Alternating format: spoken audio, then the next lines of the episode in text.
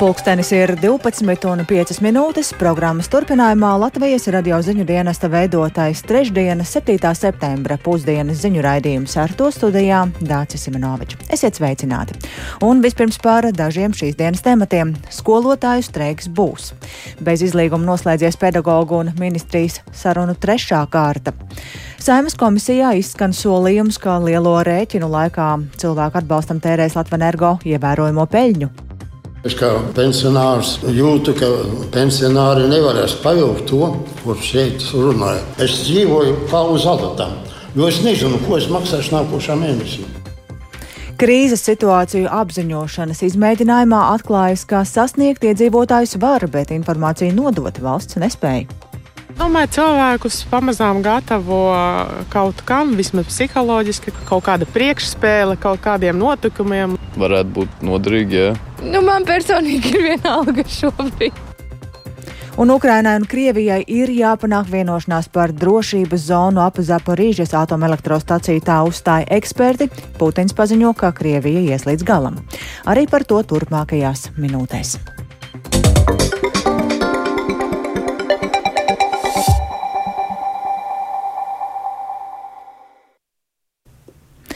Energoresursu straujā cenu kāpuma dēļ smagā finansiālā situācijā var nonākt daudz iedzīvotāji, lai spriestu par plānoto atbalstu energo resursu sadārdzinājumu apstākļos šodien notika sēde, kurai līdzi sekoja, un tagad man studijā pievienojas kolēģis Kristaps Feldmanis. Sveiks, Kristap! Sveika, Dārce! Labdien, Latvijas radioklausītāji! Kādi tad ir galvenie secinājumi pēc aizvadītās sēdes?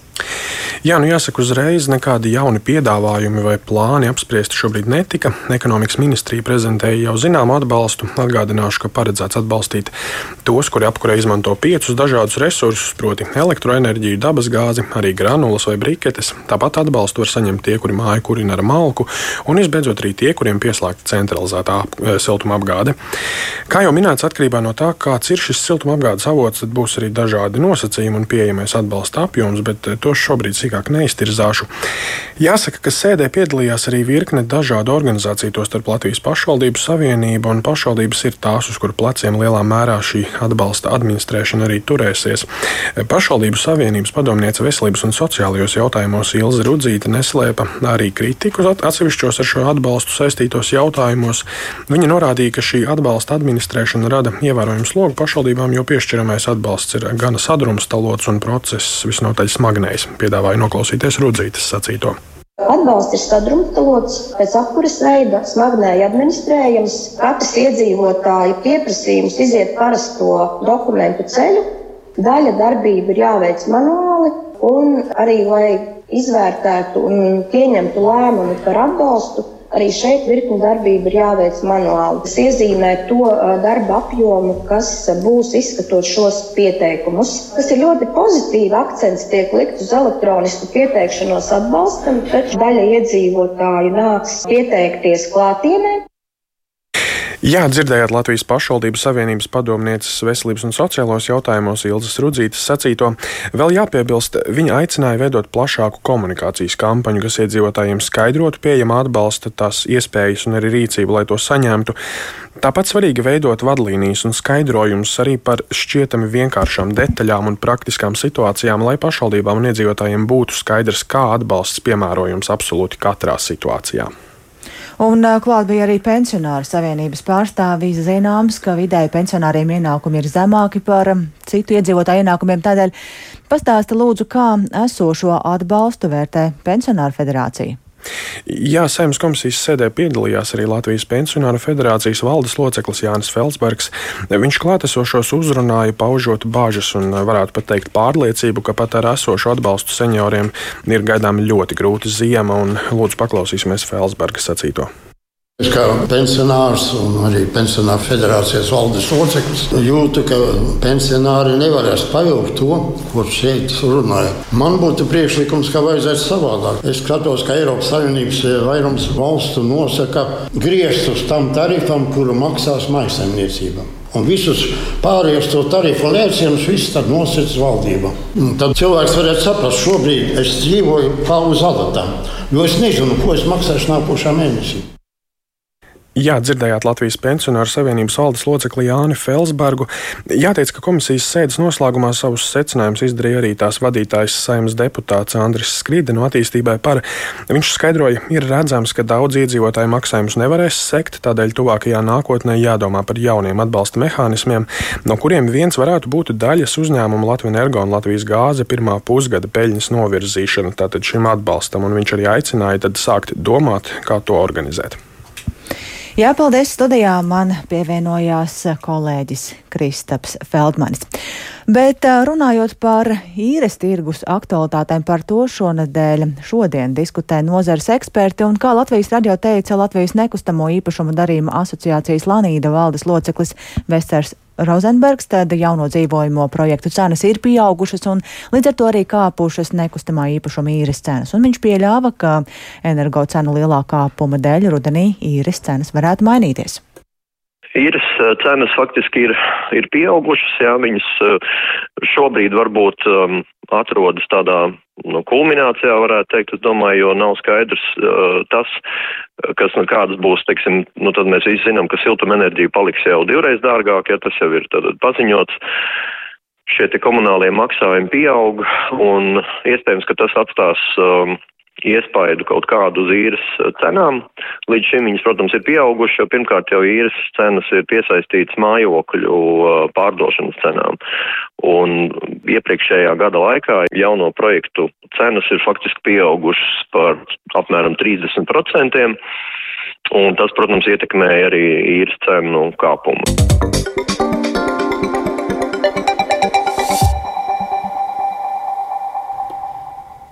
Skolotāju streiks tomēr būs, jo arotbiedrībai ar ministriju arī noslēdzošajā sarunu kārtā pirms um, no 19. septembra paredzētā beztermiņa streika neizdevās rast kompromisu. Šīs sarunas pirms brīža ir beigušās un jāatgādina, ka iepriekšējās divās sarunu kārtās izglītības un zinātnes ministra Anita Mužniece no konservatīvajiem piedāvāja dažādus skolotāju darba vidas uzlabojumus, bet, kā tas neliedzēja, arī algas kompensāciju, ja streiks nepārsniegs trīs darba dienas. Taču arotbiedrības galvenā prasība ir nemainīga - algu pieaugums jau no nākamā gada, kam jāatvēl 139 miljonu eiro. Un eh, sarunu gaitai līdzi sekoja arī kolēģe Ieva Puķe, ar kuru šeit šajā brīdī esam sazinājušies. Sveika, Ieva! Sveiki, sveiki! Tātad, kāpēc neizdevās vienoties par to, lai streika tomēr nebūtu? Abas puses palika pie sava, un abas puses ir nepiekāpīgas. Um, Tātad arotbiedrība prasa šo algu pie, pieaugumu jau no 2023. gada uh, 139 miljonus eiro papildus. Savukārt ministre saka, ka viņai nav fiskālu sviru, uh, lai šādu solījumu izpildītu, uh, lai šo summu ieliktu nākamā gada budžeta projektā, kas ministru kabinetā jāiesniedz jau ir oktobra sākumā. Uh, tomēr uh, sarunā ar Latvijas rādio ministre pauda, ka uh, sarunas varbūt nav vēl beigušās, un pat, ja steigs tiks izsludināts, varbūt tomēr otra puse pārdomās. Un vai ir zināms, nu, ja tomēr streiks būs, tad cik dienas tas, tas būs? Arotbiedrības līdere Inga Vanaga uzsver, ka streiks noteikti būs.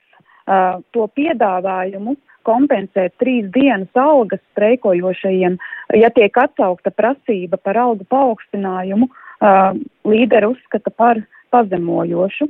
Uh, turklāt ir jāievēro īpaša procedūra, ir, tāds streiku likums, uh, kas ir, ar kuru streiks ir jāizsludina mm, nedēļu iepriekš, uh, bet vēl līdz tam ir jāapziņo skolas, jo teorētiski streikot varētu arī skolotāji, kuri nav arotbiedrības biedri.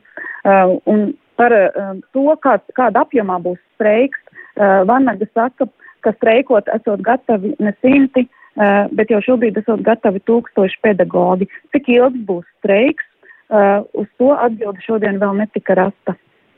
Jā, paldies. Mēs sazinājāmies ar kolēģi Ievu Puķi, kura turpina sekot līdzi sarunām ministrijas un arotbiedrības sarunām, bet, kā dzirdējām, tad kompromisa šobrīd joprojām tomēr nav, un tas nozīmē, ka no 19. septembra ir paredzēts skolotājs streiks. Un vēl viena nozara, kurai naudas trūkst, ir veselības nozara. Veselības aprūpē strādājošie pacientu organizācijas un politiskās partijas šodien plāno parakstīt sadarbības memorandu, un kā Latvijas radio teica Latvijas jauno ārstu asociācijas valdes priekšsēdētājs Artūrs Šilovs, tad memorandā ir iecerēts definēt konkrētus paveicamos darbus, lai tad uzlabotu veselības aprūpi un tostarp arī palielinātu finansējumu. Kā norādīja Šilovs, arī energoresursu cenu krīzē nedrīkst aizmirst par veselības aprūpē vajadzīgām reformām. Viņa prāta veselības aprūpe ir tikpat svarīga, cik aizsardzības nozara. Turklāt papildu nauda veselības aprūpē nav izdevumi, bet ieguldījumi, kas tad vēlāk atgriezīs iekļausies valsts budžetā kā veselāki cilvēki, kas spēj strādāt un maksāt nodokļus un nav sloks sociālajiem budžetam. Numur viens, protams, ir finansējums nozarei, kas nav patiesībā tikai tēmēts uz medicīnas nozarē strādājošiem, bet pamatā jau uz pacientiem. Ja mēs paskatāmies, tad joprojām būtiskākā problēma ir tāda, ka valsts no saviem līdzekļiem, no nodokļu iekasējumiem tērē diezgan maz līdzekļu. Jau patiesībā ne tikai maz salīdzinājumā ar citām Eiropas valstīm, Rietuma Eiropā, bet mēs tērējam diezgan maz salīdzinot arī ar Igauniju un Lietuvu. Un tas arī parādās medikamentu cenās, kompensējumu medikamentu sarakstā. Tas arī parādās rindu garumā, un pacients to patiešo izjūt.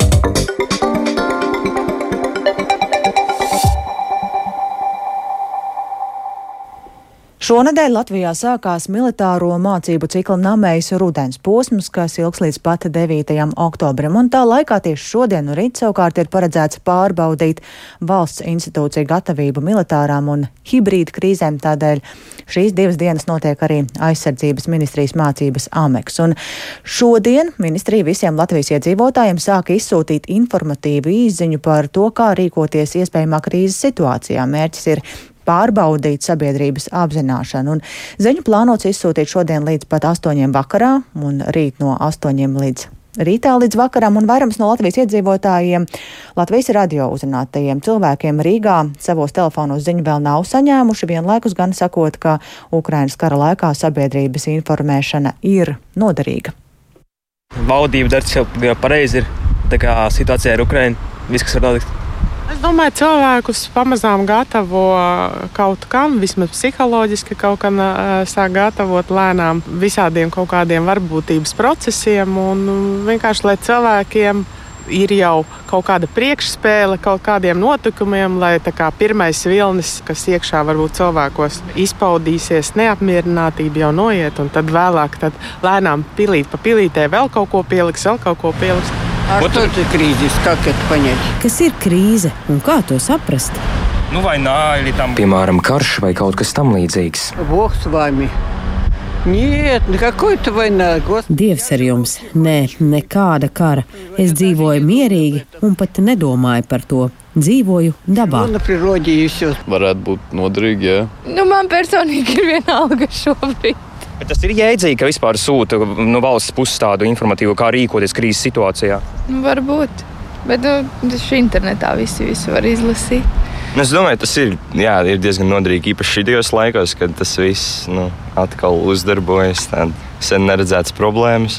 Un, jā, es domāju, agrāk vai vēlāk tas varētu būt noderīgi. Tikmēr ziņu saņēmēji dienas pirmajā pusē sastapās ar um, citu problēmu. Īziņā ietverto informāciju nevar atvērt, un tas tika izskaidrots ar pārāk lielu interneta lapas sārks LV noslodzi. Ukrainai un Krievijai savukārt ir jāvienojas par drošības zonu ap Zaporīžas atomelektrostaciju. Par to paziņojusi gan Startautiskās atomenerģijas aģentūras vadība, gan ANO ģenerālsekretārs. Kodola drošības stacijā vakar apspriest arī ANO drošības padomē, bet šodien uzstājoties Vladivostokas ekonomikas fórumā, Krievijas prezidents Vladimirs Putins izteicies, ka savu mērķu sasniegšanai Krievija ies līdz galam, un vairāk stāsta Uģis Lībietis. Pēc tam, kad vakar vakarā Startautiskās atomenerģijas aģentūras vadītājs Rafēls Grossi publiskoja savu atzinumu par situāciju Zaporīžas atomelektrostacijām, situācija Ukrainā tika apspriesta arī īpaši sasauktā ANO drošības padomus sanāksmē.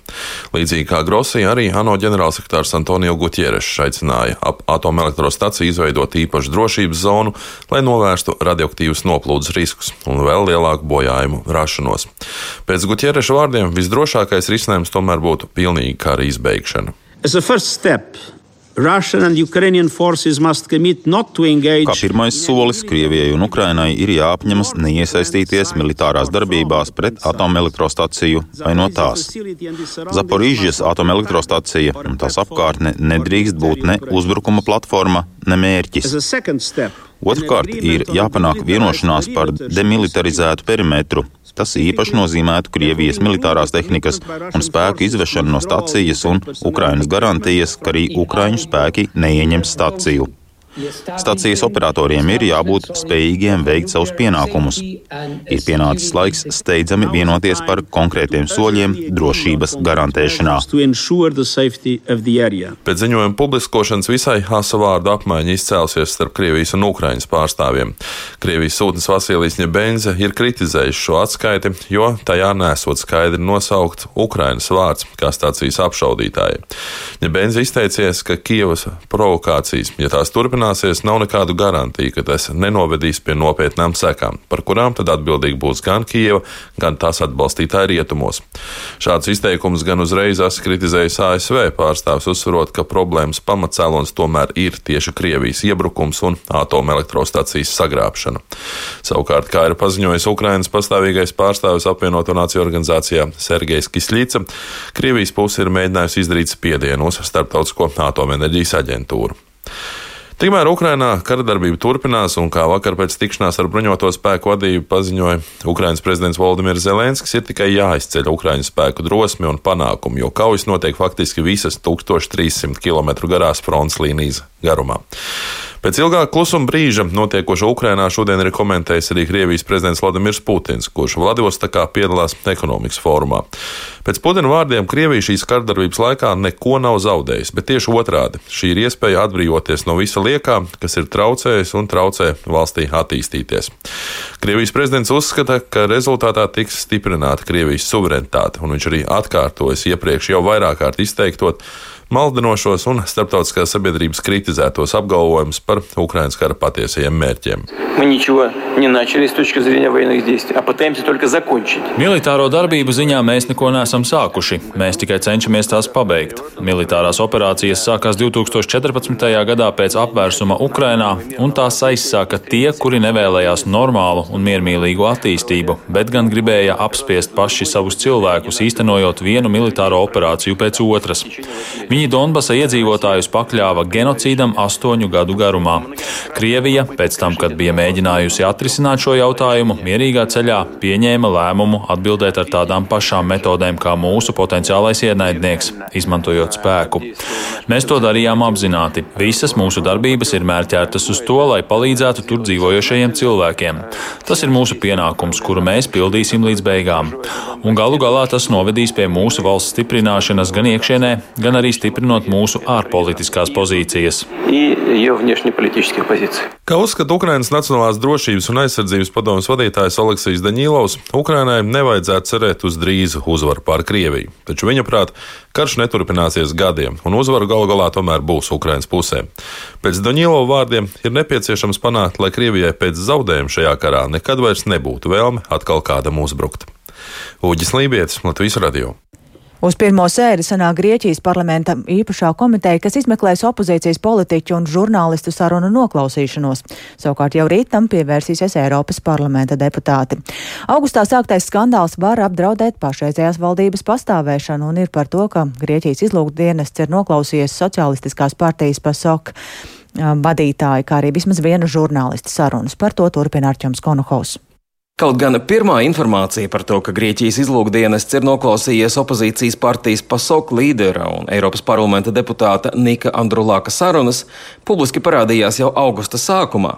Šajā lietā joprojām ir daudz neskaidrību. Tostarp nav zināms, kādēļ bija nepieciešams ielausties Andrulāka un žurnālista Tanāsa Kukāka telefonā. Grieķijas premjerministrs Kirjaks Mitsotakis atzina, ka izlūkdienests pieļāva kļūdu un piekrita atsaukt parlamentu no vasaras pārtraukuma, lai apspriestu šo skandālu.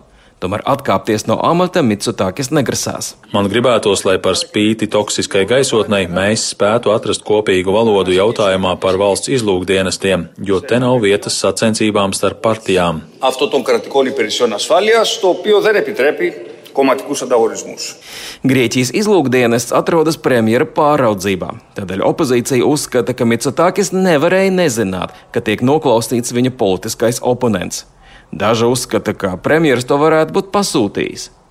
Mitsotakis šos pārmetumus noraida, bet vienlaikus gan viņš, gan izlūki atsakās atklāt pat Grieķijas parlamenta deputātiem, kādēļ notika šī noklausīšanās.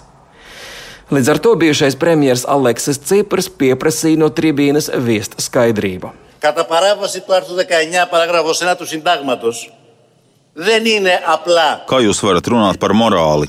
Kā jums nav kauna kāpt šajā tribīnē un runāt par morāli brīdī, kad jūs nesat atbildību un tiekat apsūdzēts savu politisko konkurentu izsakošanā?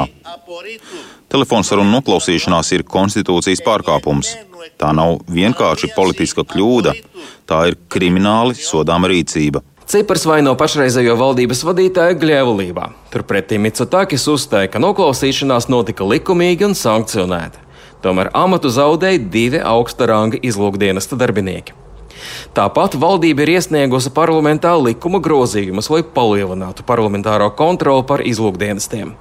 Izmaiņas paredz arī nodrošināt otra prokurora piekrišanu noklausīšanās veikšanai. Par šo skandālu ir ieinteresējies arī Eiropas parlaments, it sevišķi tādēļ, ka Andrulākis ir tā deputāts. Parlamentā jau strādā īpašā komiteja, kas pēta žurnālistu, aktīvistu un politiķu noklausīšanos citās valstīs. Uz ceturtdienu paredzēto sēdi ir uzaicināts žurnālists Kukākis un vēl viens viņa kolēģis, kuras sarunas arī esot noklausītas. Savukārt Eiroparlamentārietis Andrulākis varētu piedalīties kādā no nākamajām komitejas sēdēm. Kopā ar Katalonijas separātistiem, kuru telefoni arī tika uzlausti ar īpašās programmas palīdzību.